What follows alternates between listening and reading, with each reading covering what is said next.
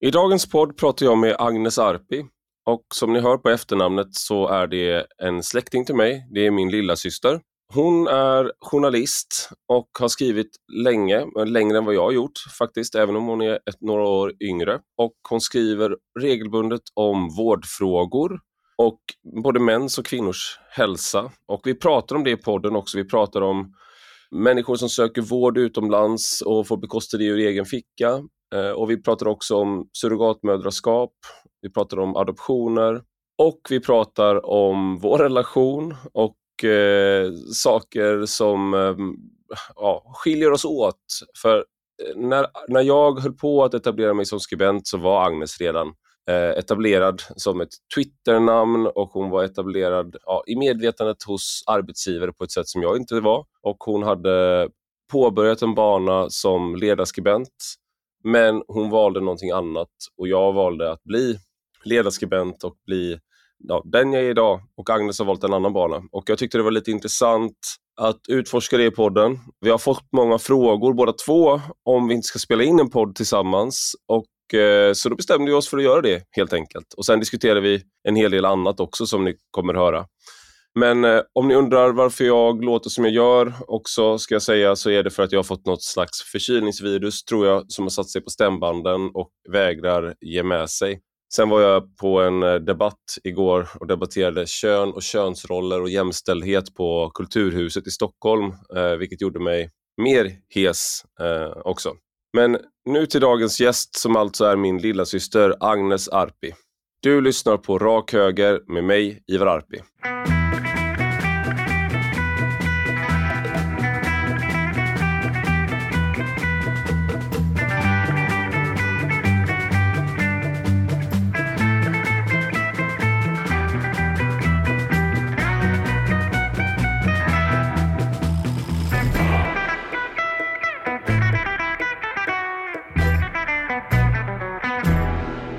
Välkommen till Rak Höger, Agnes Arti.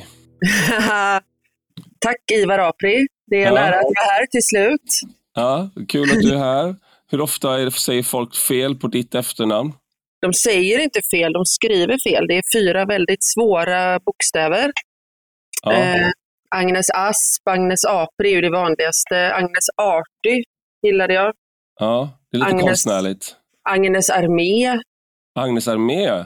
Ja. Agnes, ja. Jag bara så här, börja fråga då, eftersom eh, vi är alltså släkt, så man skulle kunna tänka sig att om de skriver fel på ditt namn, så skulle de skriva fel på mitt namn, men det är ingen som skriver fel på mitt namn. Jo då, jag håller utkik efter det också, printscreenar. Och det blir lite så här när Aftonbladet ska publicera något, någon tuff puff på hemsidan och så står det Ivar Apri. Alltså, ja. Det händer, men jag tror att jag har ett, eh, jag har ett öga för det. Är det här också ett bevis för könsmaktsordningen? Att eh, när det handlar om mig så skriver de inte fel på mitt efternamn. Men när det handlar om dig, eftersom du är kvinna, det är inte så jävla viktigt kvinnor med, med kvinnor och deras namn. Vi, vi chansar lite. Nej, jag tror faktiskt att det det handlar om är att Ivar Arpi har blivit eh, någon sorts begrepp. Det är egentligen ett ord nu, Ivar Arpi det är inte ett namn, utan för en del människor så har det blivit en symbol och det finns saker behäftade med den symbolen. Och Agnes Arpi gör människor lite mer förvirrade för de känner igen namnet man kan inte riktigt placera det på samma sätt. Då varför får jag så negativa känslor? Jag vet inte varför. Det känns orättvist. Arpi kan inte vara samma. Det måste vara Apri. Det är en annan. Ja. Just det, hyperkorrigerar. Eh, ja. Hon ser ju trevlig ut, kan inte vara släkt.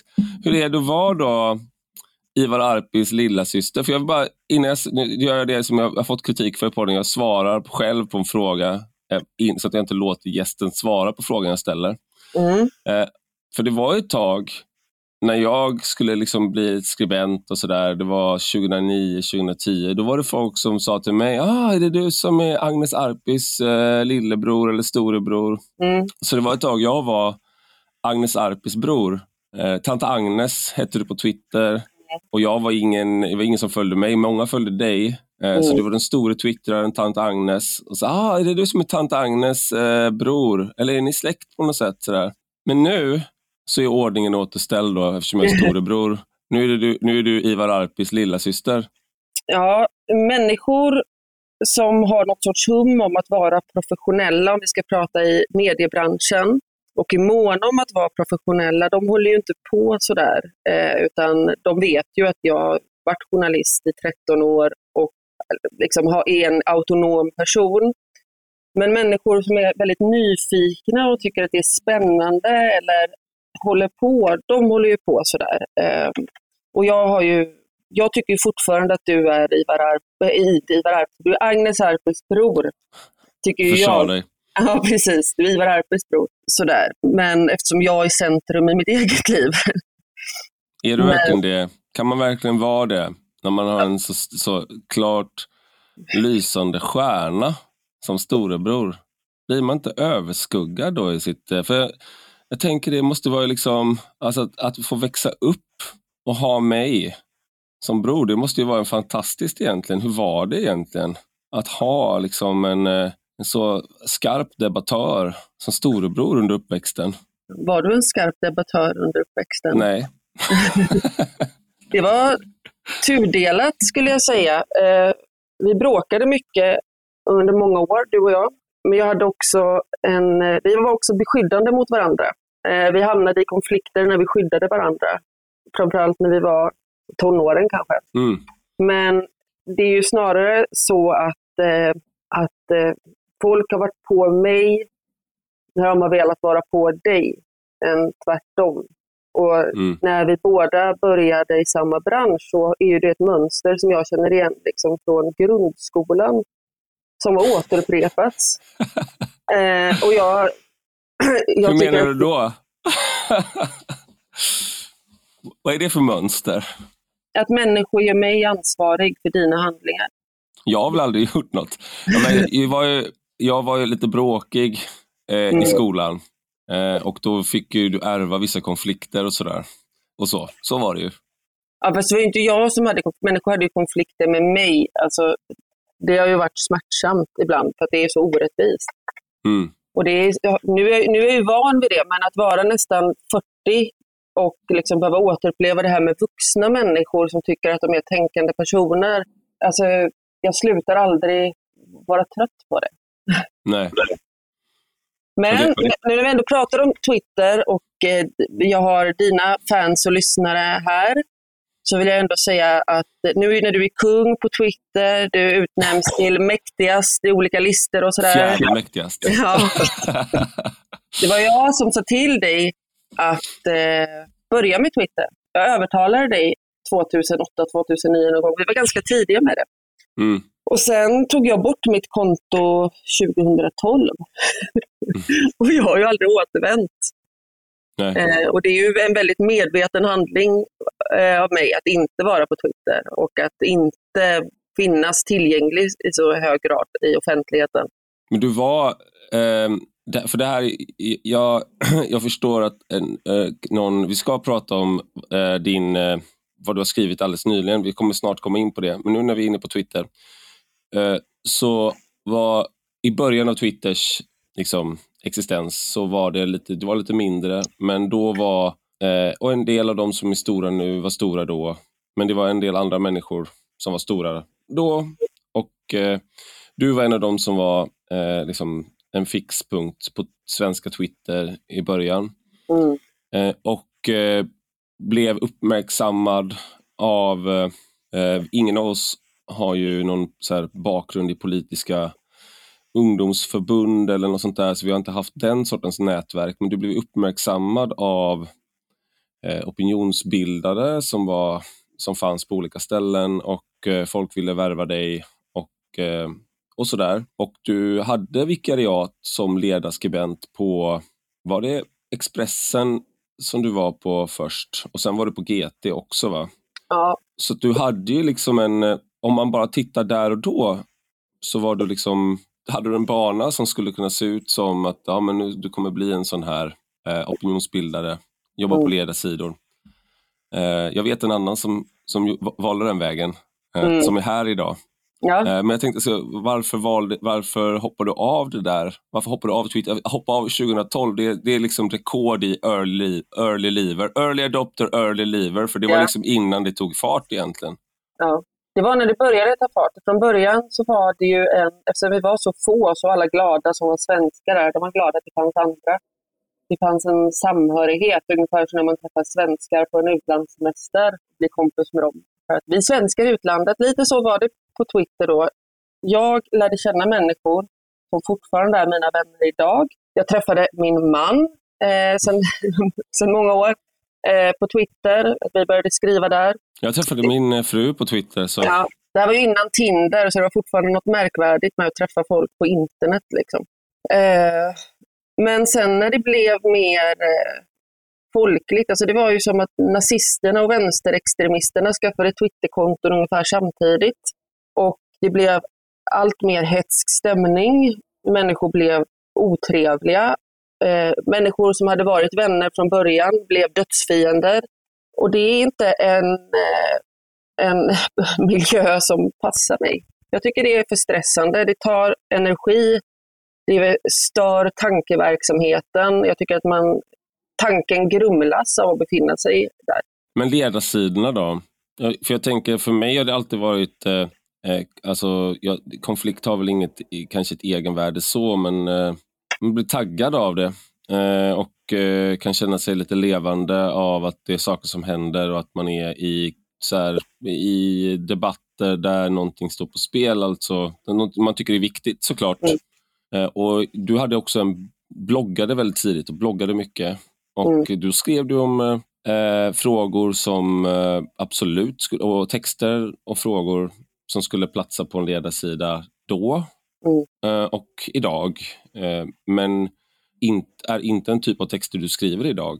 Jo, jag var ju ledarskribent en sommar på Expressen och bodde i Stockholm då, vilket jag ju inte gör idag.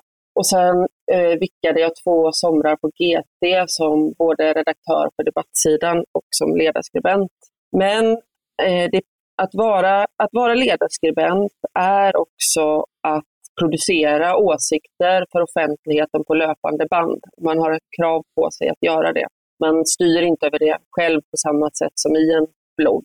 Och det passade inte mig. Det var stressande. Jag hade inte tillräckligt många åsikter så jag var beredd att eh, förfäkta och debattera i offentligheten. Och jag är rätt mycket en å ena sidan och andra sidan person och det gör sig inte eh, alltid så väl i ledarformatet. Mm. Och sen så var det också att jag ville, jag ville ägna mig åt en annan typ av journalistik eh, där jag och mina åsikter inte hamnade i centrum. Och då Mm. valde jag att gå vidare på den vägen. Men att vara, jag var ju ganska ung eh, på den här tiden och eh, som ung kvinna med åsikter, i alla fall var det så då, då öppnas liksom många dörrar. Det är många som vill att man ska vara en ung kvinna med åsikter. Jag blev uppringd av nyhetsprogram som ville att jag skulle vara med och diskutera saker som jag inte alls var kvalificerad för bara för att men vi behöver en ung tjej med åsikter. Och det där liksom, tackade jag nej till. De säger ju ibland, någonting jag minns, nu, jag kanske minns fel, att det, och det här kanske inte gäller dig, men någonting jag vet har skett eh, kvinnliga kollegor som har varit yngre, som jag har jobbat med på olika ledarsidor, är att de ibland har varit helt öppna med det. Som att det, ja, men vi behöver lite en ung eh, kvinnlig blick på det här så att det inte blir för många gubbar eller något sånt där. Och de har, att de har sagt det som en, liksom, när de ringer. Gjorde de det med dig då? Det har hänt, ja. Och det har också hänt att eh, de har känt, alltså jag har ju själv suttit liksom i en situation, man behöver en person, jag menar jag var redaktör på SVT Opinion eh, en period, man behöver en person med en viss typ av åsikt, så letar man febrilt efter den personen för att passa in. Men, Mm. men eh, jag menar jag har fått frågan själv att vara med i tv och debattera Melodifestivalen. Och jag, menar, jag, jag är så ointresserad av Melodifestivalen. Varför ska jag vara med i tv? Vad ska jag? Ja, men du vet Bert Karlsson, vad han har gjort. Jag vet inte vad Bert Karlsson har gjort. Varför ska jag, kan inte ringa av alla människor som bryr sig om slager i Sverige, så ringer Ja. ni mig. För ni Mm. tänker så här, ung tjej med åsikter kan vara med och snacka ner Bert Karlsson. Mm. Men det jag tycker att det är, alltså jag vill ägna mig åt det som jag är intresserad av och det som jag kan någonting om. Och jag tycker att det bästa sättet jag kan göra det, det är genom reportage. Eh, och det är genom också, jag skriver också krönikor som är opolitiska. Det är på Mm. det sättet som jag tycker att jag får utlopp för min kreativitet och mina intressen. Eh, Mm. Ledarskrivande passar helt enkelt dåligt och den utsattheten som det medför passar också mig dåligt. Jag tycker att offentligheten eh, är en obehaglig plats att vara på och jag är, försöker vara väldigt noga med på vilka sätt jag deltar eh, Mm. på den arenan. Med, med eh, felskrivna namn helst, så att eh, man inte kan Ja. koppla ihop de olika bylinesen. Nej, precis. Eh, men vad är det som är obehagligt med offentligheten? Jag är ju en väldigt offentlig person då och, det, och det påverkar ju dig då, bland annat genom att vi kopplas ihop. Men vad är, liksom, vad är det som är obehagligt med offentligheten, tycker du? Jag tycker att det är obehagligt att vara så tillgänglig för andras eh, blickar på en och åsikter om en. Jag upplever att jag är på många sätt, inte alla kanske, men jag är en ganska privat person. Jag gillar att leva ett stillsamt liv. Den adrenalinkicken som debatt och sådär medför, den är för mycket för mig. Eh, jag menar, en del, en del hoppar bungyjump, en del hoppar fallskärm. Den adrenalinkick jag behöver, det är kanske när jag är färdig med en artikel och den går i tryck. Alltså det, det räcker för mig. Eh, så att för mig är det ett sätt att värna min egen hälsa och mina gränser för att jag ska kunna fungera som människa. Och därför har jag inte heller, jag har inget offentligt Instagramkonto, jag har ingen öppen Facebook-sida. Och det här är ju ett problem för mig, för det finns ju människor som har följt vad jag skriver och vill läsa vad jag skriver och då måste de ju sitta och googla för att hålla sig uppdaterade om de inte är kompisar med mig. Så Mm. jag funderar ju på att, så här, att jag också ska skaffa något nyhetsbrev och bara, nu har jag skrivit den här grejen Mm. eh, och den går att läsa på den här länken. För att jag har ju så, alltså, jag har inget sätt att eh, masskommunicera med mina, mina följare eller läsare.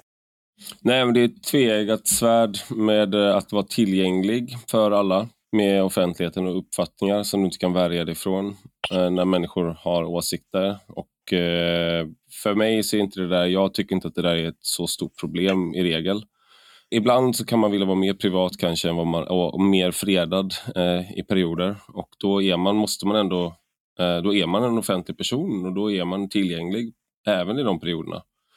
Och fördelen är då med att man når ut och att man håller kontakt med sina läsare och lyssnare och att man har en platt, plattformar, egna plattformar. Mm. Och det är det som har motiverat mig till att behålla eh, mina konton i alla år. Sådär.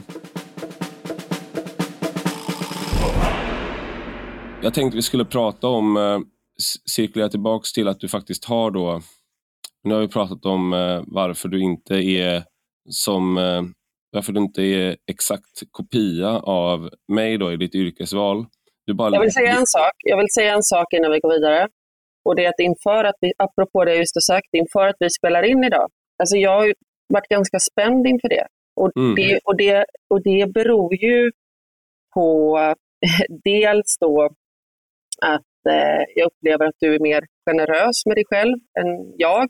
I, eh, jag kan vara i- generös med dig också. Ja, precis.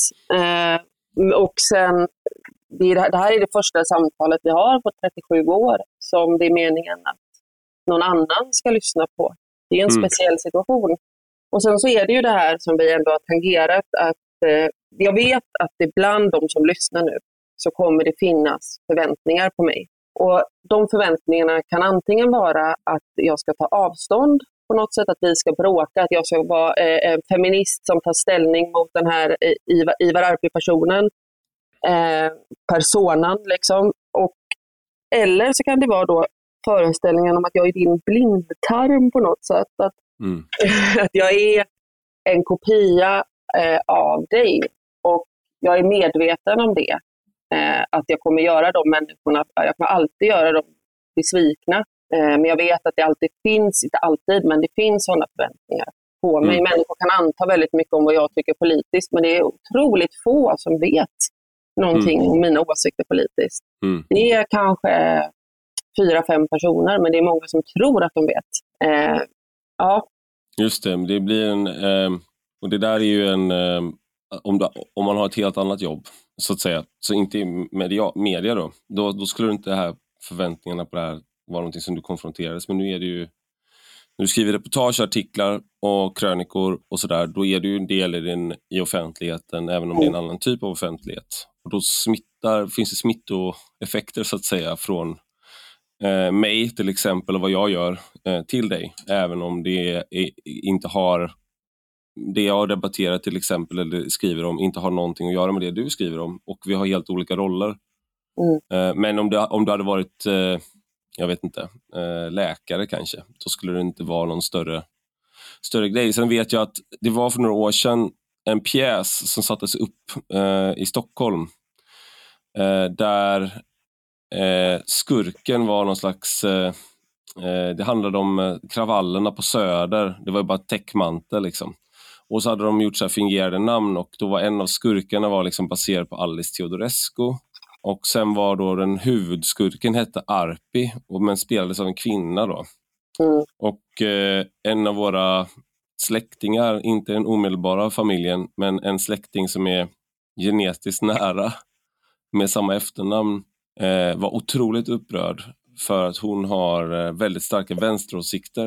Eh, och, eh, och det verkar ha varit en plåga för henne att förknippas med mig eh, på olika sätt, vilket jag kan förstå. Men med det sagt då så tänker jag att vi ska gå vidare också bara för att jag vill, skulle vilja prata om ett eh, faktiskt ämne också. Eh, utöver de här sakerna. Och det, du har skrivit en artikelserie, det här är någonting du skrivit om tidigare också, men en artikelserie i Alltinget som, om man inte känner till det, är en, en tidning på nätet och eh, är, finns i flera länder.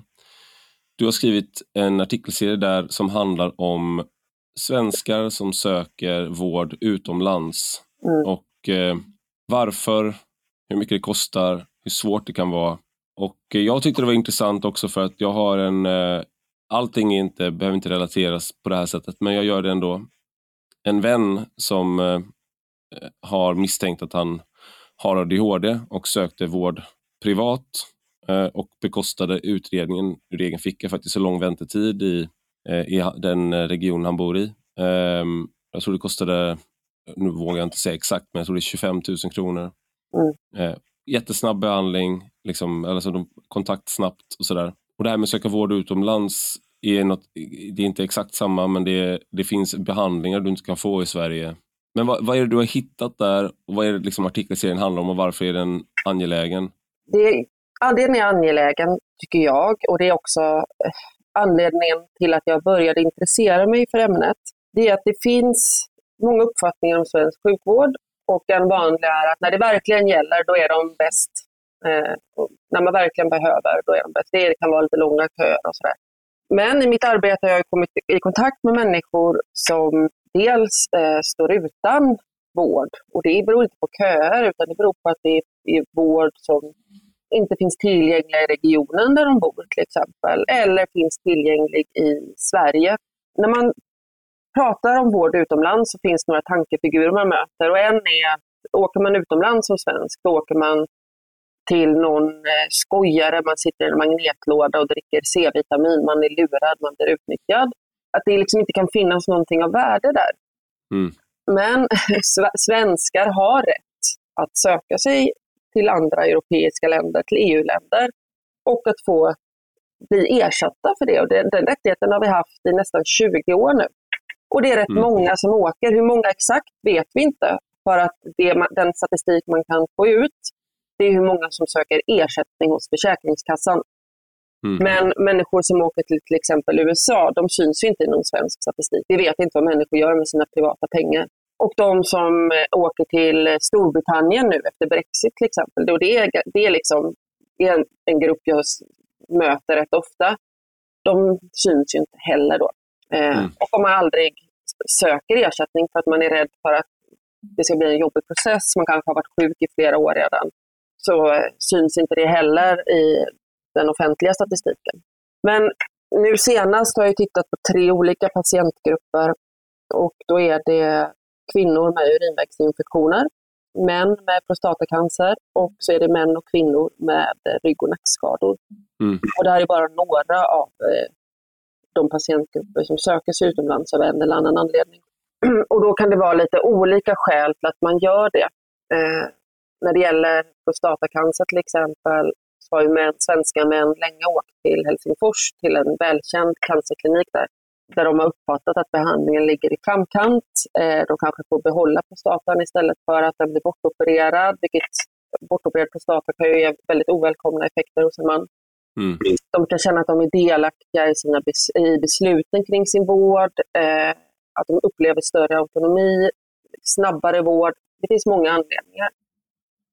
Och då har jag haft kontakt med en man i det här fallet som heter, eh, eller jag kallar honom Sven. Och eh, han har ju då kämpat... På, på, påhittigt. Ja. Det, han är, han, han är, är svensk. Vad ska jag kalla honom? Sven. Det passar. Han är en man i 70-årsåldern okay. i, i eh, en mellanstor svensk stad. Mm. Eh, och det, för honom var det väldigt mycket värt att få den här behandlingen i, i Finland och sen så beskriver jag hans problem när han ska söka ersättning. Människor har också den här uppfattningen att det här är kostnader, det är lyxkonsumtion av vård. Men man kan bara få ersättning för den vård som man ändå skulle ha godkänts för i Sverige. Det vill säga det är kostnader som hade uppstått oavsett. Mm. Och problemet juridiskt är då, vår, vårt regelsystem ser ut så att en människa som åker utomlands på vård och sen äh, gör en ansökan till Försäkringskassan. Deras uppgift blir att bevisa för myndigheten att de hade fått den här vården i Sverige. Mm. Och när det gäller öppenvård så har vi ett fritt vårdval i Sverige. Och om i min region kan göra helt annorlunda än en annan region, så ser det ut i Sverige. Regionerna har inte samma vårdutbud. Och om jag då säger, säger att jag får vård eh, här i Västra Götaland och eh, den vården inte finns i öppenvården här, och om jag vet att den finns i Skåne, då måste jag bevisa att jag hade kunnat få den i Skåne. Mm. Regionerna och Försäkringskassan har ingen skyldighet att känna till vårdutbudet, utan det måste patienten göra. Patienten mm. måste kartlägga vårdutbudet, eh, skaffa intyg, få stressade människor i klinisk verksamhet att skriva intyg, eh, göra det arbetet själv eh, helt mm. enkelt. Och det här är sjuka människor ofta då som ska göra det här?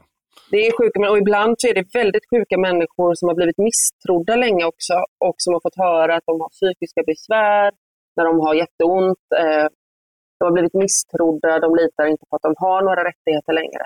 Och mm. eh, Att kalla det lyxkonsumtion, det här är människor som skuldsätter sig ofta. Mm. Eh, det kan hända att de säljer sitt hus, det kan hända att deras eh, anhöriga tar ett lån, för de ofta inte, eller i många fall så har de inte kunnat ha en inkomst på länge. Eh, och I många fall är de kanske utförsäkrade också. Eh, och det, det, är liksom livräddande operationer de känner att de, och med operationer menar jag att de, handlingar eh, så de känner att de företar sig. Och Eh, det som är mest känt i offentligheten det är de fall av eh, sjuklig svettning eh, som har liksom bestämt rättsfallen. Mm. Och då har det varit att människor, det är många som åker till Danmark för att få behandling för till exempel handsvett. Mm. Och då kan det vara att eh, deras egen region behandlar bara sjuklig svettning under armarna. Men det finns någonting i det här som känns som, som, jag, som du var inne på och det är ju det här eh, som kanske finns i många länder, men jag uppfattar det i alla fall att det finns i Sverige och det är att här är vi mer evidensbaserade och vetenskapliga och rationella. Så grundinställningen är att om en, om en behandling inte erbjuds här eh, eller om, liksom, ja, om, om man gör på ett annat sätt i ett annat land så beror det förmodligen på att de inte är lika rationella, lika vetenskapliga, lika eh, evidensbaserade som vi är. Mm. Det där är ju en egen form av svensk protektionism och chauvinism skulle jag säga. Den där synen. Det är klart att vi ska ha evidensbaserad vård. Om man, om man tror att all vård som ges i Sverige alla läkemedelsbehandlingar som ges i Sverige är evidensbaserad, eh, då är man felinformerad. Så fungerar det inte. vi ska röra oss eh, lite i sidled.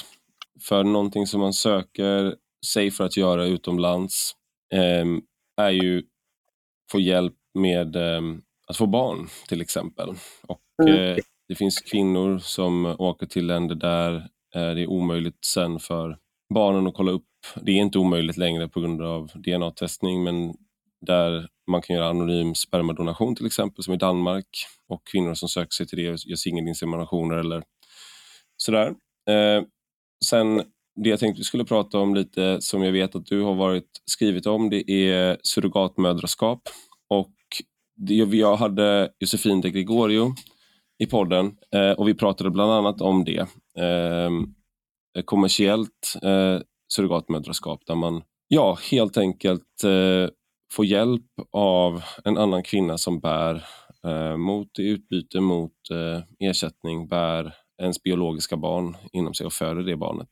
Mm. Och eh, en sak som, jag, som du, jag tror det var du som skickade till mig, det var när Ukraina-kriget började. Då var det en viss typ av reportage som skrevs. Kommer du ihåg vad det var? Ja, väldigt kort in på det så skrevs det om svenskarna eh, som då hade beställt eh, graviditeter eh, i ett krigsdrabbat land sedan åtta år eh, som hade problem med att eh, hämta de här barnen efter förlossningen. Det var en av de första, första, eh, ett av de första temana som dök upp var hur påverkas svenskar av Ukraina-kriget och då var ju det här en av svenskkopplingarna till Ukraina. Eh, svenskarna som hamnade i kläm och barnen som låg på, i skyddsrumskliniker med osäker legal status. Och någonting som eh, alltså, många är, har riktat kritik mot eh, den kommersiella sidan av surrogatmödraskap. Jag hade en eh, bekant som hörde av sig och berättade vad det kostar ungefär att, liksom, att, att, att få tillgång till en surrogatmoder i, i eh, om det ska vara ett lite rikare land. Och då var det, i alla fall i det här fallet handlade det om eh, en halv miljon ungefär. Som då, då är det liksom, man betalar kvinnan och det är allting runt omkring också. Så det är väldigt stora kostnader när man gör det så att säga eh, för, för den enskilde. Och man kan ju tänka sig att det är, om man ska försöka försvara det så kan man tänka att det är ett sätt för en, någon som har svårt att lyfta sig ur sina egna omständigheter att få en eh, stor summa pengar på ett bräde. Och om man ska jämföra det med andra verksamheter så, så är det, ja, man tänker sig att man åker till en oljeplattform och är borta från sin familj i några månader och får jättemycket pengar för det. När man, liksom, livet är på paus på alla andra sätt. Varför är, tycker du att det där är ett rimligt argument? Liksom, hur argumenterar du i, de här, i den här frågan? Jag vet, att, jag, jag vet, men jag vill höra. Ja, anledningen till att vi diskuterar detta är ju för att jag har skrivit en artikel om just kommersiellt, eller en krönika om kommersiellt surrogatmödraskap eh, där jag vänder mig emot det. Mm. Eh, det ska sägas att eh, varje gång jag uttrycker en skarp åsikt i offentligheten så kringskär jag mina möjligheter att eh, skriva om det eh, på mm. det sätt, de sätt jag helst gör. Eh, jag har skrivit om surrogatmödraskap neutralt tidigare men sedan dess så har den här företeelsen exploderat i Sverige. Det är någonting som, i fallet Ukraina, det var ju några vad var det, studenter. Eh, så kostsamt är det inte att beställa barn från ukrainska kvinnor. Det är någonting som eh, har blivit vanligare och jag tycker att det finns en poäng i att, att eh, argumentera emot det. Så där offrar jag liksom mina möjligheter. Ja, för att du är så engagerad mot kvinnors rätt att själva välja. Att du, du är beredd att uh, offra lite skrivmöjligheter för att kringskära kvinnors frihet lite extra. Ja, jag tycker inte att uh, det här med att exploatera kvinnor på det här sättet. Jag menar, vilka länder åker svenskar till? Eh, vad är det? Georgien, Ukraina? Nu pratar du om, om eh, USA. Eh, det, det tillhör liksom inte de största länderna skulle jag säga. Jag tror att eh, en av de stora agenturerna för detta nu rapporterar om alla kvinnor i Guatemala som är villiga att ställa upp för västerländska föräldrar. Jag menar, om vi kan bara ta vad som hände i början av Ukraina-kriget. De här kvinnorna flydde ju, som så många andra, till närliggande länder. Och om de skulle föda barnen där i de närliggande länderna betraktar ju det här som människohandel.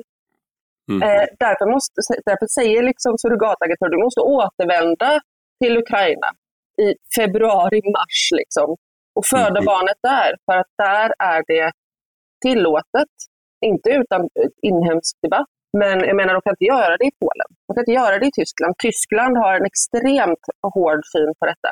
Så då, då behövde liksom kvinnorna gravida med egna familjer återvända eh, för att föda barn åt ja, men framförallt eh, kanske västeuropeer och amerikaner. Är det inte en perfekt eh, lösning på den här kvinnofällan att både ha en karriär och eh, kunna eh, ha familj? Att du, eh, precis som att man har liksom, man tar in lite städning, någon som städar hemma hos en, städar på kontoret, någon som eh, sköter liksom, eh, barnpassning till exempel, då har man barnen på förskola. Och nu så kan man dessutom tack vare vetenskap, man kan få, en annan kvinna kan föda ens barn. Är inte det perfekt för att lösa den här liksom mixen, att eh, kvinnor äntligen kan få både karriär och familj? Så där kanske det är i vissa fall, eh, eh när det är människor, typ kändisar. Men jag skulle säga att eh, det vanligaste är nog att man är eh, ofrivilligt barnlös och att man har lidit väldigt mycket mm. Eh, innan man kommer till den här punkten. Eller att man är i en parkonstellation där man helt enkelt inte kan få barn mm. på vanligt sätt.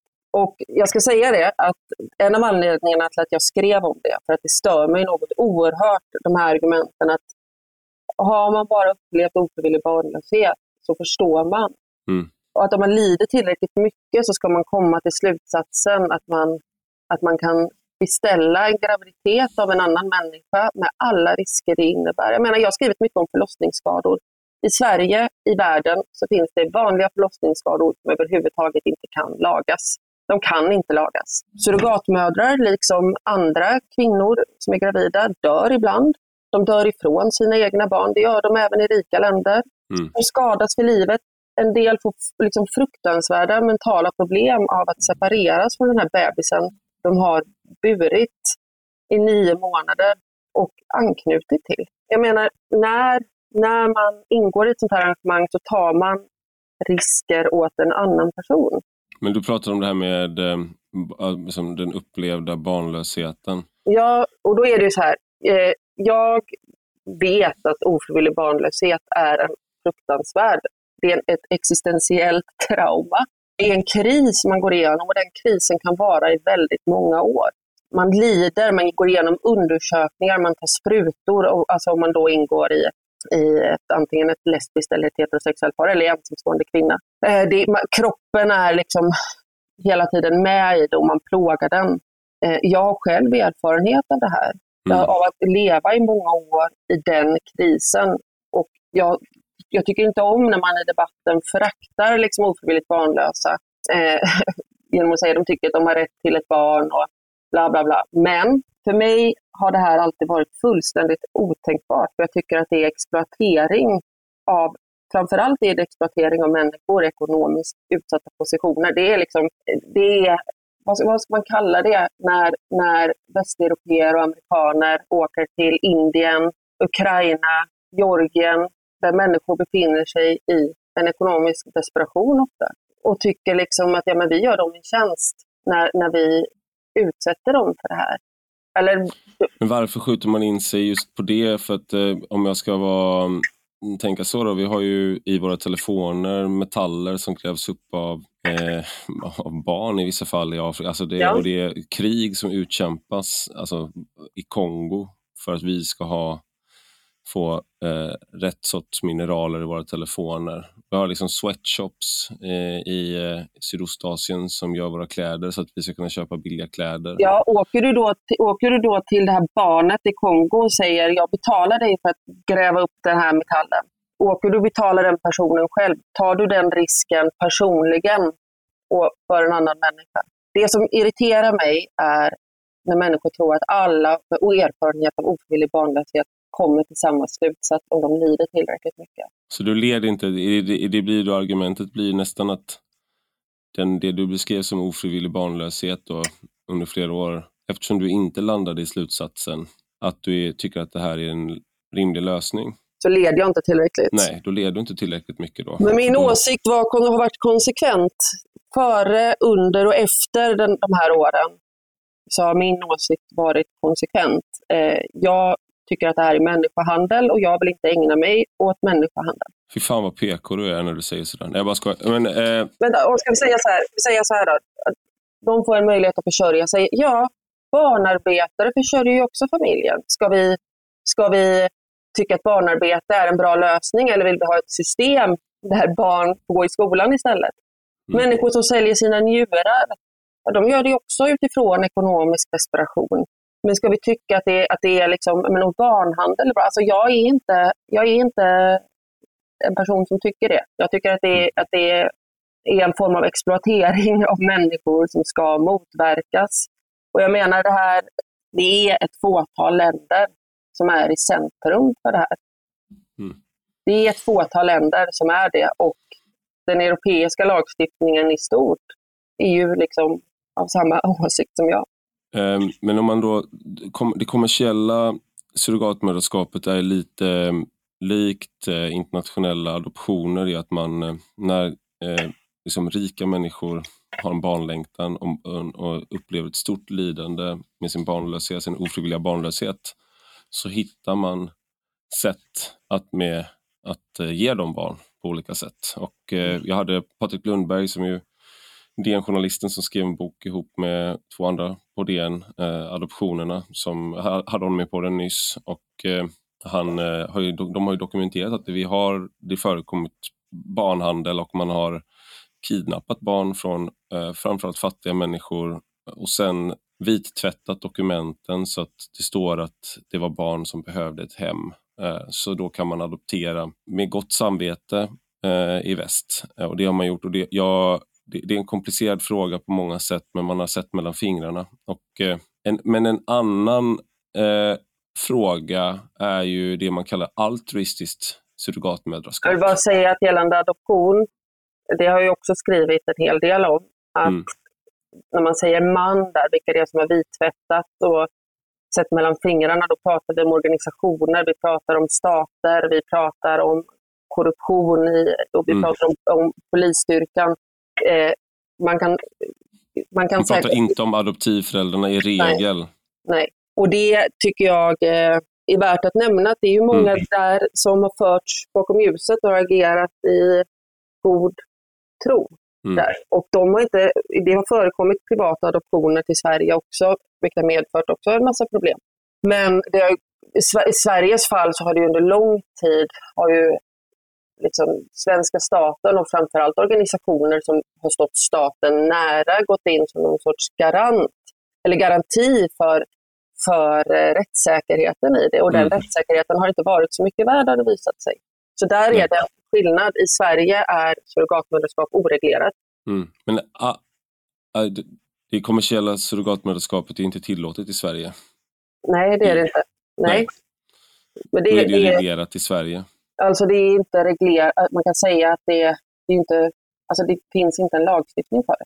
Fast det är inte tillåtet att, att betala någon? Man, men, man, nej, men i Sverige, eftersom man inte kan få den här hjälpen via en fertilitetsklinik, mm. eh, så om någon genomgår ett surrogatmödraskap i Sverige så är det ju sitt eget genetiska barn man mm.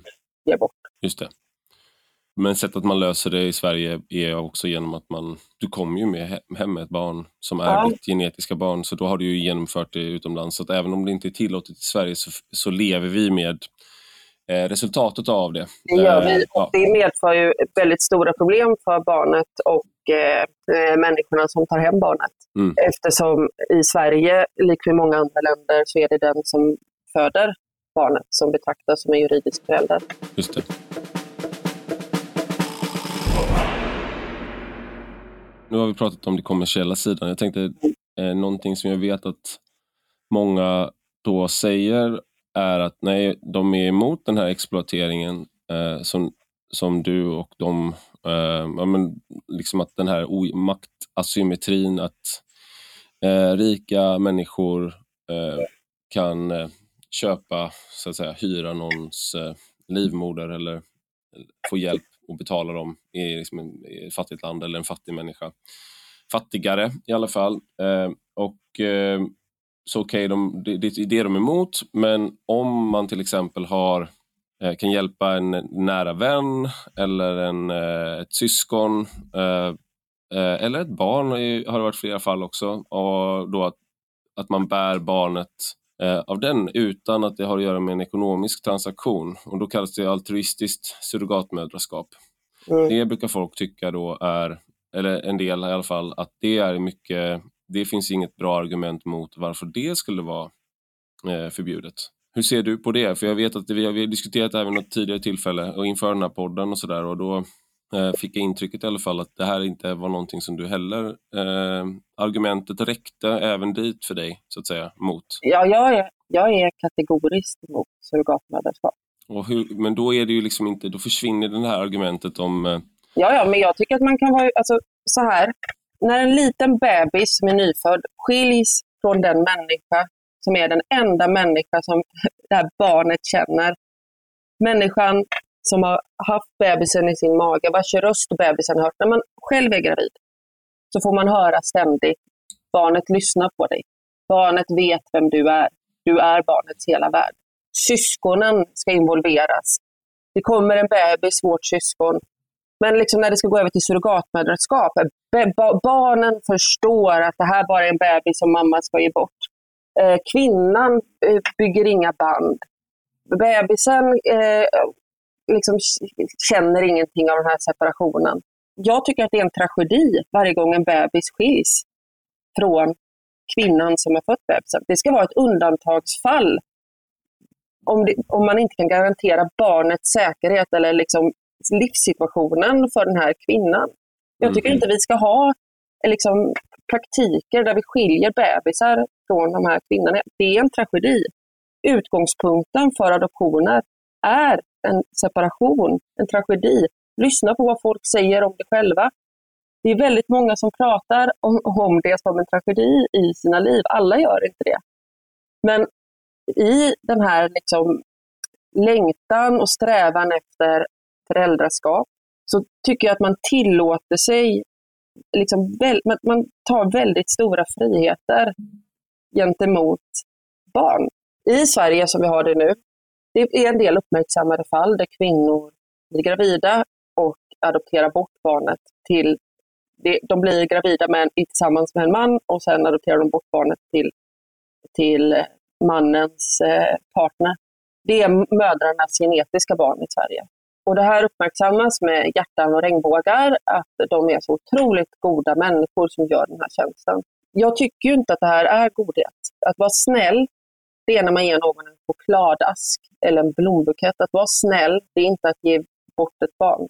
Jag tycker det är en absurd syn på barn. Jag tycker att vuxna människor tar sig väldigt många friheter och liksom omstöper verkligheten så att det passar de egna behoven. Den globala mm. fertilitetsindustrin är experter på det. Jag hade många år att ta del av den och att hitta mina egna ståndpunkter i detta. Om surrogatmödraskap, kommersiellt eller inte, hade varit mitt enda alternativ så hade jag förblivit barnlös och jag hade levt i en existentiell kris till den dag jag dog. Mm. Jag, tycker, jag tycker inte att man tar sig sådana friheter gentemot andra människor. Jag tycker inte det heller bara handlar om kvinnans val. Jag menar Moderaterna, var det öppna moderater eller moderatkvinnor, minns inte, som hade en kampanj inför valet där Filippa Reinfeldt, 55 år, stod och sa jag kan bära ditt barn. Mm. Alltså, det handlar inte bara om... om Upp till bevis. Ja, precis. Hon hade aldrig fått göra det. Det handlar inte bara om den här liksom, självuppfattningen. Och jag tvivlar inte på att de här kvinnorna upplever sig själva som väldigt goda människor. Eh, jag tycker man kan kalla det många saker och jag tycker inte att godhet är ett av dem. Vad gör man då? Säg att det är en, min syster som hade burit mitt barn. Mm. Om hon föder barnet, om hon skadas svårt, det finns ingenting man kan göra åt det i Sverige alltid. Eller om hon lider för att hon vill ha det här barnet själv. Mm. Ska, då, ska då juridiken så säga att Nej, men du, du får inte det för att det är mitt barn. Vi skriver ett avtal på det. Jag kan också säga att när FN diskuterar de här frågorna, men det finns ju en barnkonvention som är, som är ganska tydlig när Unicef och FNs olika organ eh, diskuterar de här frågorna, de problematiserar ju även det så kallat altruistiska surrogatmödraskapet. Det är inte någonting som Agnes Arpe har hittat på för att hon är missunnsam.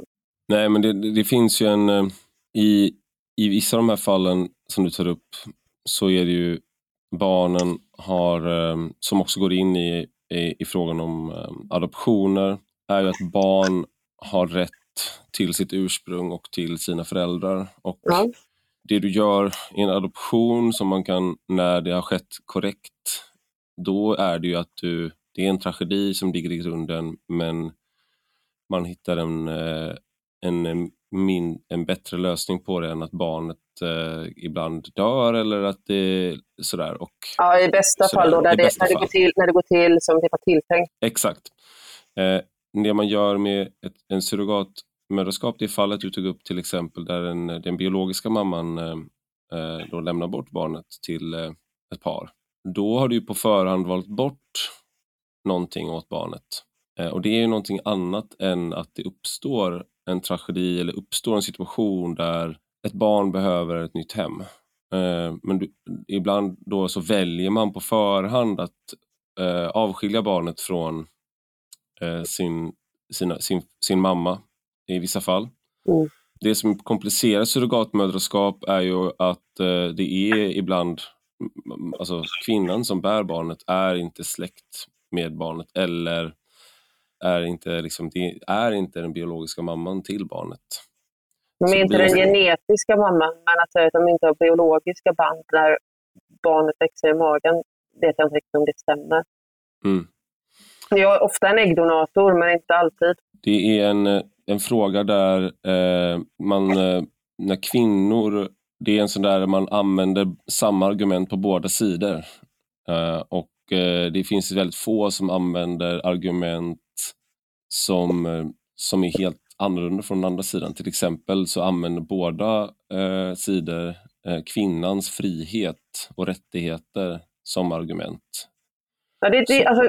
Så det är både kvinnan är liksom, både kvinnan, alltså det kvinnans frihet att få eh, vara surrogatmoder eh, och kvinnans frihet att eh, så att säga slippa vara det, är liksom på båda sidor eh, av den, den argumentationen. Ja, men för mig handlar det, framförallt när det är kommersiellt surrogatmödraskap, så tycker jag att man kan föra den debatten. Men för mig handlar det inte bara om vad kvinnor ska ha rätt till, utan det handlar om vad barn ska ha rätt till. Och jag menar, barnkonventionen, barnet har rätt så långt det är möjligt att få veta vilka dess föräldrar är och få deras omvårdnad. Barn har rätt till sin identitet, sitt namn och sina släktförhållanden. Barn ska inte skiljas från sina föräldrar utom när det är nödvändigt för barnets bästa. Jag menar, jag tycker det är, är, är det så otydligt. Varje stat ska förhindra bortförande och försäljning av eller handel med barn. Men det, det här då, det, det, du gör i den här argumentationen och eh, sådana som du, sådana hemska människor, är att eh, försvåra för regnbågsfamiljer rent konkret. Mm. Så homosexuella män som vill ha barn tillsammans kan idag lösa det genom surrogatmödraskap. Ja. Tidigare så gick inte det. Eh, teknologiska skäl och då har det funnits den här typen av eh, regnbågsfamiljer där till exempel ett eh, eh lesbiskt par, ett bögpar, eh, skaffar barn tillsammans. Mm. Sådär. Det, det, finns exempel på det. Men nu så kan man ju skaffa barn och man kan bilda familj. Mm. Och eh, deras barnlängtan då eh, sätter man stopp för när man säger att nej, det här ska inte vara tillåtet. Mm. Alltså det är ju precis som i fallet med heterosexuella barnlösa så är det ju inte alla homosexuella barnlösa som kommer till samma slutsats. Det är inte så att alla homosexuella män eh, som vill ha barn utnyttjar möjligheten att betala för det i ett annat land. Mm. Eh, men för mig så är det, det är sexualiteten eh, hos, och könsidentiteten och lidandet hos den som sitter med plånboken i det här fallet, är det mig egalt.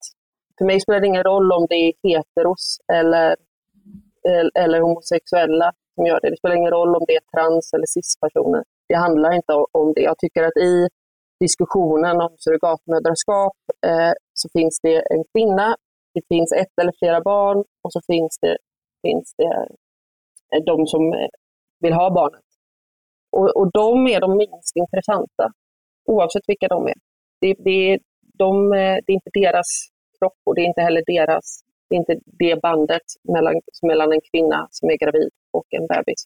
Jag tycker att det är en tragedi att skilja bebisar från sina, sina mammor på det sättet. Jag ska snart eh, eh, släppa dig, för vi har arbeten att gå till båda två utöver det här. Eh, men jag tänkte också att vi båda, eh, eftersom vi är syskon, så är vi uppvuxna på samma ställe. Och eh, du, jag flyttade från Göteborg 2004 och sen återvände jag i, liksom, för vikariat och har varit hälsat på mycket och sådär. Men eh, jag har inte egentligen bott i Göteborg sedan 2004. Men du bodde kvar i Göteborg eh, egentligen i alla år med kort, kort eh, period i Uppsala där du studerade. Och i Stockholm när jag jobbade. Ja. Vad, eh, men nu har du lämnat Göteborg. Mm, jag flyttade förra året. Varför lämnar du Göteborg? Jag eh, hade en växande familj. Eh, vi behövde bo på ett annat sätt och eh, behövde bo större. Så vi köpte hus eh, på en mindre ort. Men eh, det, var, det hade liksom skett oavsett en flytt eh, av utrymmesskäl. Men det var ju några saker som snabbade på det här beslutet för oss. Och det var ju utvecklingen där vi bodde och hade bott i ett decennium. Och då bodde vi i Flatås som är, ligger på gränsen mellan Högsbo och Frölunda i Västergöteborg. Och ja, men närmiljön förändrades ganska snabbt de sista åren skulle jag säga. Jag tyckte jättemycket om att bo där och jag är göteborgare, jag kommer alltid vara det. Jag kommer sannolikt återvända någon gång. Framförallt Men, hörs det. Ja, jag undrar om våra, vår göteborgska respektive göteborgska accentueras eh, i det här samtalet. Säkert. Nej, men eh, vi började liksom ha en helikopter ovanför oss varje kväll. Vi hade mm. liksom helikopterspaning, det var polishelikopter där vi bodde hela tiden. Ghetto Bird, som vi som lyssnade på hiphop på 90-talet eh, ja, kallade det, Ice Cube sa, kallade det någon gång. Och sen eh, så liksom, det var skottlossning vid förskola, den som ligger närmast oss, eller låg närmast oss. Så en fredag eftermiddag när de skulle hämta barnen så sköts en kille i benet. Uppe vid mitt barns förskola så var det ju eh, en bomb i ett lägenhetshus. Det var knivskärningar. Någon gång när, när min man gick till förskolan så passerade han en eh, mordplats. Så det har varit ett mord på vägen. Skottlossning i parkeringshuset och sen precis, vi köpte ett hus. Köpte ett hus, det enda huset vi tittade på. Tror jag.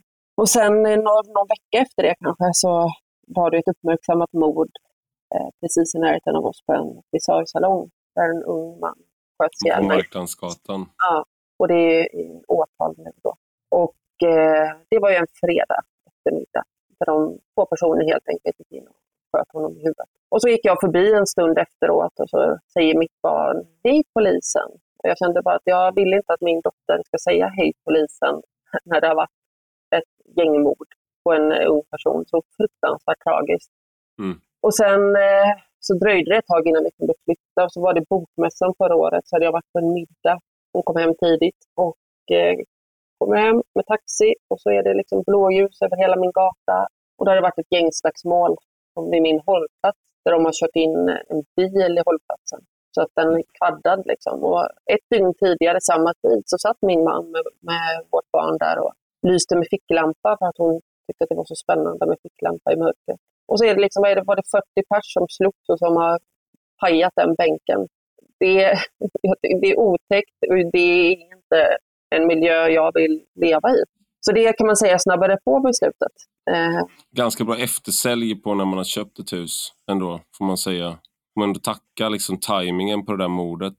Det får inte vara för morbid, men det är så här, ja men vad fan vad skönt ändå. Det var nog rätt beslut att köpa det där huset ändå. Liksom, det, det, jag tänker bara på, det låter ju som nu då att jag, eh, det här är ju typiskt eh, Ivar Arpi-ämne med otrygghet och sånt där. Men mm. Flatås kan man ju säga då är har varit ett ganska eh, sömnigt område under ganska lång tid. Sen har det förändrats, alltså det har ändrats lite med i takt med att eh, det blir lite yngre människor som flyttar in, bland annat när du flyttar in där och, och sådär. Så att, men det har inte varit ett stökigt område och det är inte liksom det har inte varit, det är inte ett utsatt område eller sådär. Den ligger i närheten av utsatta områden, men det gör man många delar av Göteborg. En, en kompis till mig, eh, han eh, bor utanför Halmstad i en eh, liten eh, liksom radhus villa förort och eh, dit har också flyttat göteborgare och eh, en av dem flyttade för att i hans, eh, i deras det paret då, i deras parkeringshus så var det en kille som fick, blev rånad och fick örat avskuret under rånet. Och då tänkte de att nej men eh, nu så, nu flyttar vi. Och det är så här, ja, det är inte, en, det är inte rationellt att tänka att man ska få, ör, kanske att gå runt och vara rädd för att få örat avskuret, för det är såklart en, en väldigt eh, sällsynt händelse. Det är därför man lägger det på minnet.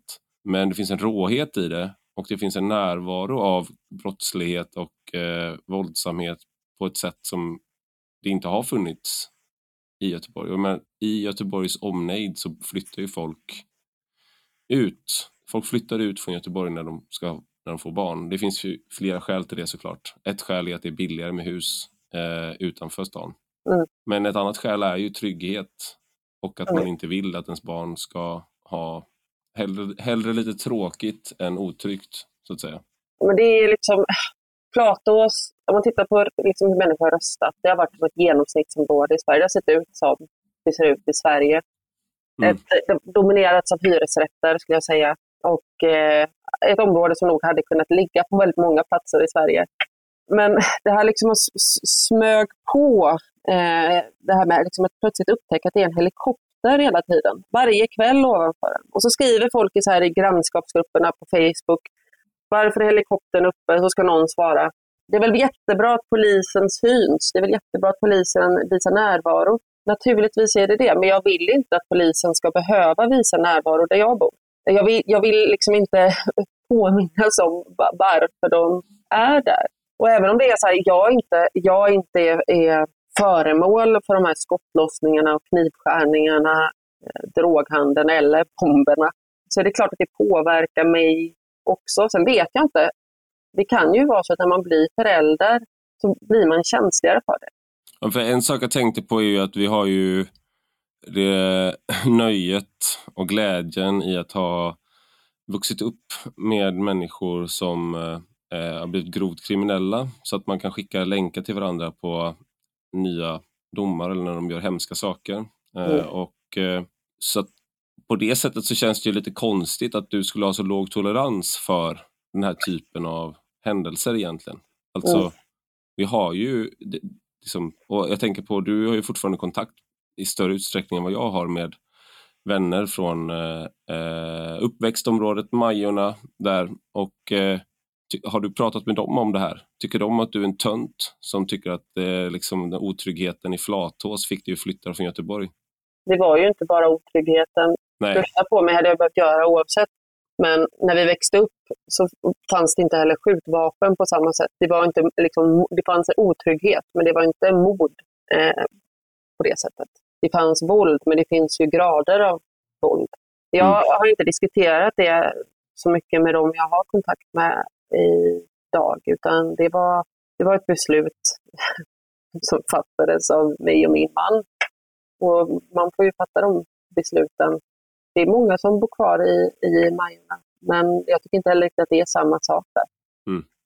Ja, vi är ju då, eh, jag har pratat i så många om olika eh, sammanhang om var jag kommer ifrån och vad man är uppvuxen med och sånt där, fått frågor om det. Och efter ett tag så börjar man undra vad som är sant och inte. Och jag har generellt sett har, tvivlar jag ganska mycket på människors egna livsberättelser. I alla fall som eh, att man är sanningsvittne till, till vad som faktiskt har hänt, även om man upplever det så. Eh, och jag tror att eh, man, man, eh, man, har, man har rationaliserar saker i efterhand och man förskönar eller förfular allt efter eh, syfte. Det är inte alltid medvetet, utan det sker hela tiden. Men därför tänkte jag då, eftersom vi ändå har delat uppväxt i Majorna i, i Göteborg, eh, och jag tycker fortfarande att det är en ganska speciell plats. Det är väldigt vänsterdominerat fortfarande. Det, var, det är väldigt mycket akademiker, det är väldigt många av ens så att säga Twitterkompisar eh, och som man lärde känna då för tio år sedan när det var en annan plats, eller journalistkollegor nu, eller akademiker som bor i Majorna eller flyttar till Majorna. Så det är som att man aldrig, även om man flytt, jag flyttade därifrån när jag var eh, 16, du var ett par år yngre då, så är fortfarande, man kommer liksom aldrig därifrån, till skillnad från kanske människor som flyttar från en liten ort i en liten stad. De lämnar, men för mig så återkommer hela tiden den stadsdelen. Men eh, någonting som jag då har konfronterats med, det är till exempel att det var ganska våldsamt. Det var mycket konflikter mellan eh, och att det var normalt att det var ganska våldsamt och att det var ganska mycket droger och att det också ganska snabbt blev eh, ganska normalt med, inte, inte grov kriminalitet, så i alla fall en eh, mindre grov kriminalitet. Att det var liksom ett normalt beteende, normala saker. Mm. Och det är någonting som jag ändå förstått att det inte så var för alla. Jag trodde det var så för alla ungdomar, men det mm. var det inte. Samtidigt då som man är privilegierad i att man har akademikerföräldrar och att många andra hade det som växte upp där också och att det har gått bra för många sen. Mm. Vad är din upplevelse då? Du, du som har, du har ju också så här tvingats, eller man tvingats tänka efter, i liksom så här, vad var det för område man växte upp i? Vad var det för kultur i Majorna? Och vad mm. var det för kultur då? Jag tänker på eh, min man som är uppvuxen i ett rött hus med vita knutar i en by utanför Ludvika. Och Alltså, hans självklara syn på vad som är en god barndom är att man bor i ett sånt hus så nära till skogen. Medan jag som då är uppvuxen i ett lägenhet i allmännyttan i Majorna tyckte att det på många sätt var en utmärkt uppväxt med gårdarna vi hade att vara på. Vi, hade också, liksom, vi var mycket i naturen och sådär. Det fanns en samvaro och en gemenskap på de här gårdarna och den kom säkerligen också av att det var politiskt homogent. Det var självklart under vår uppväxt vilka som var onda och goda och det skulle jag inte säga att mamma och pappa lärde oss, utan det var någonting som fanns implicit, och ibland explicit, i eh, kulturen. Jag visste väldigt tidigt att de onda, det var människor som bodde i Askim och Hovås. Jag hade inte träffat dem. Men, men ja. det visste man ju hur sådana som de var. Just det. Eh, men om vi ska, även jag, alltså min första pojkvän tog ju droger och jag var väldigt ung då. Det fanns liksom i min närhet. 13? Ja, vi var 13 när vi träffades. Eller jag var 13, mm. han var lite äldre. Det fanns i min, i min eh, närhet från väldigt ung ålder, men för mig var det också ganska självklart att inte själv bli en del av det. Mm. Men jag Varför då? Jag tyckte varför, väldigt... inte du, varför tar inte du, för jag vet att du är väldigt eh, anti-droger, eh, vilket ju är en otroligt eh, konstig sak i den eh, kontexten att vara. För det alla, inte, om man inte tar droger själv så är man i alla fall, har man en skön attityd till det. Men Ivar, så här uppfattar jag att det blir när jag pratar med mina nuvarande kompisar. Att mm. ena halvan kan jag prata om det våld och det sexuella våld som fanns i vår miljö och tillvaro. Och knark och pojkvänner som slogs och allt sånt där. Och den andra halvan är så här, men de, de verkar tycka att jag överdriver. Vi har liksom helt olika historieskrivningar.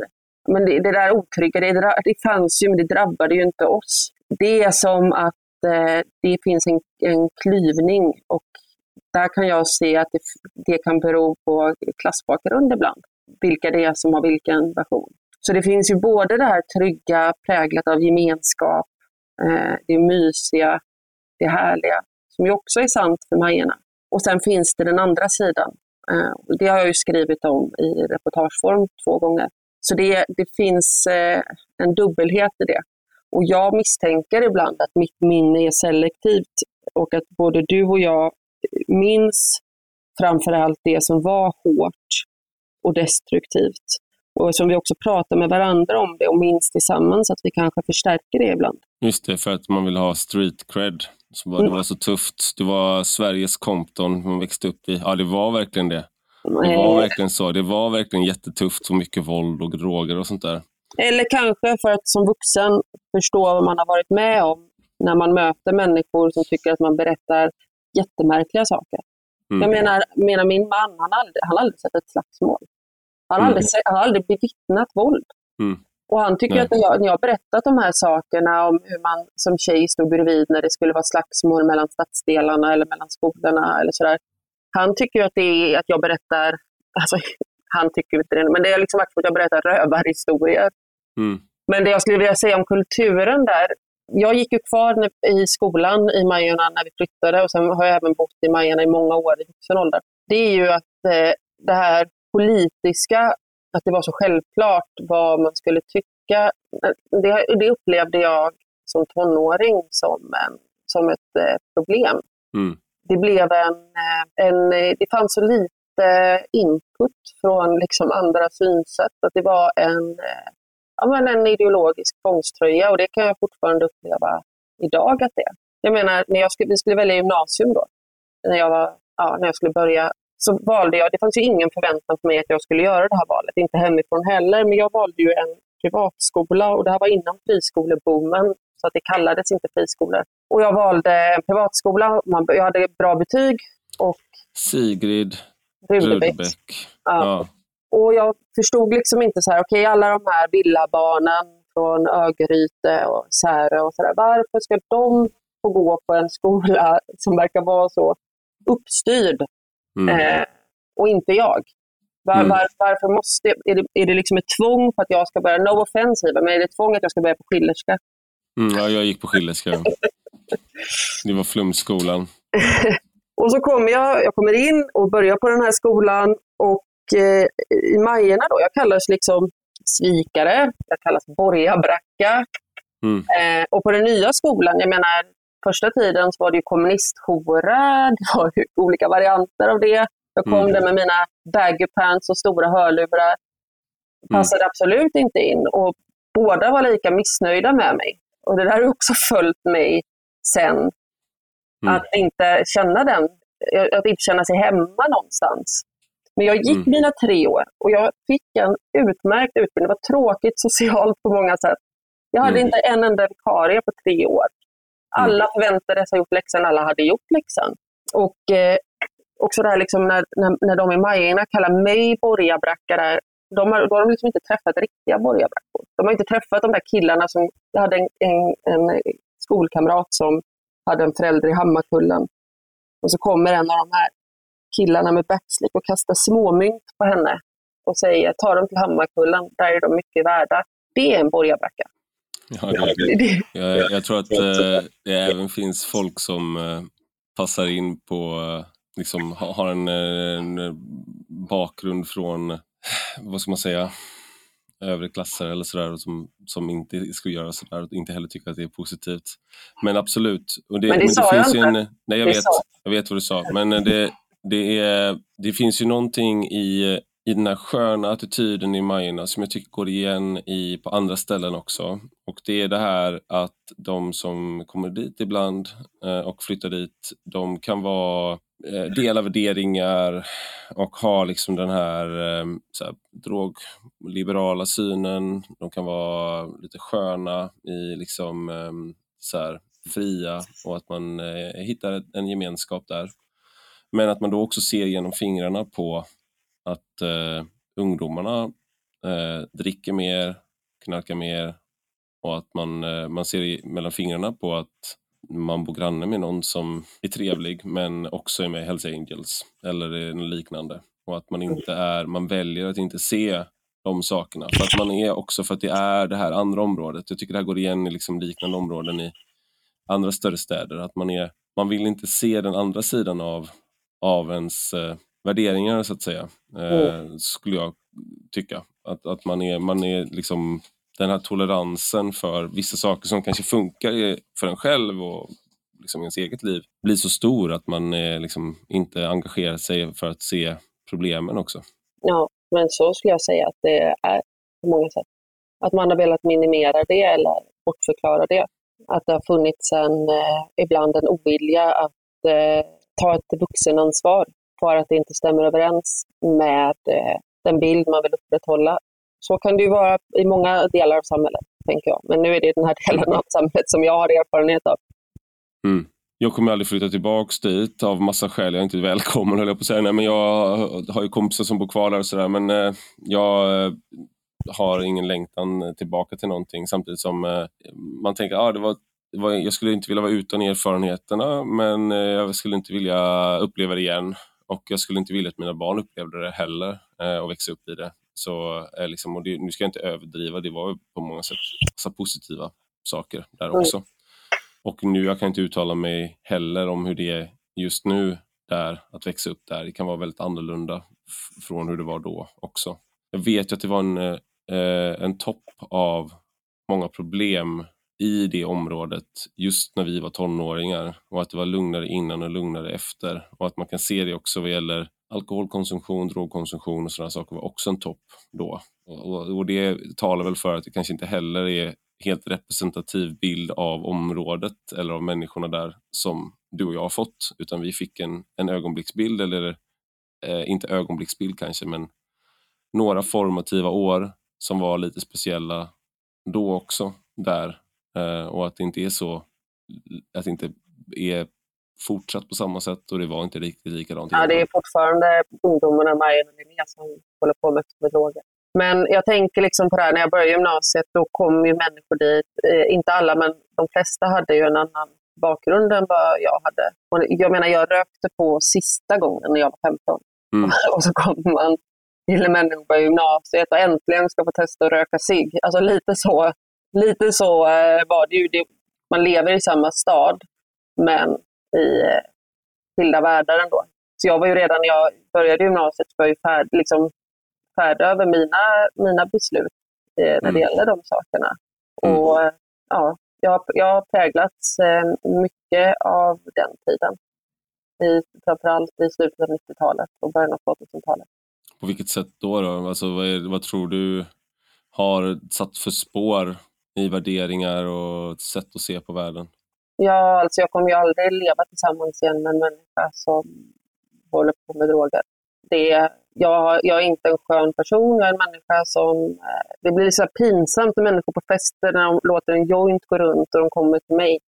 Då blir mm. liksom, de måste göra det av artighetsskäl, men samtidigt så blir det, det blir så fnissigt för att alla vet vilken glädjedödare jag är.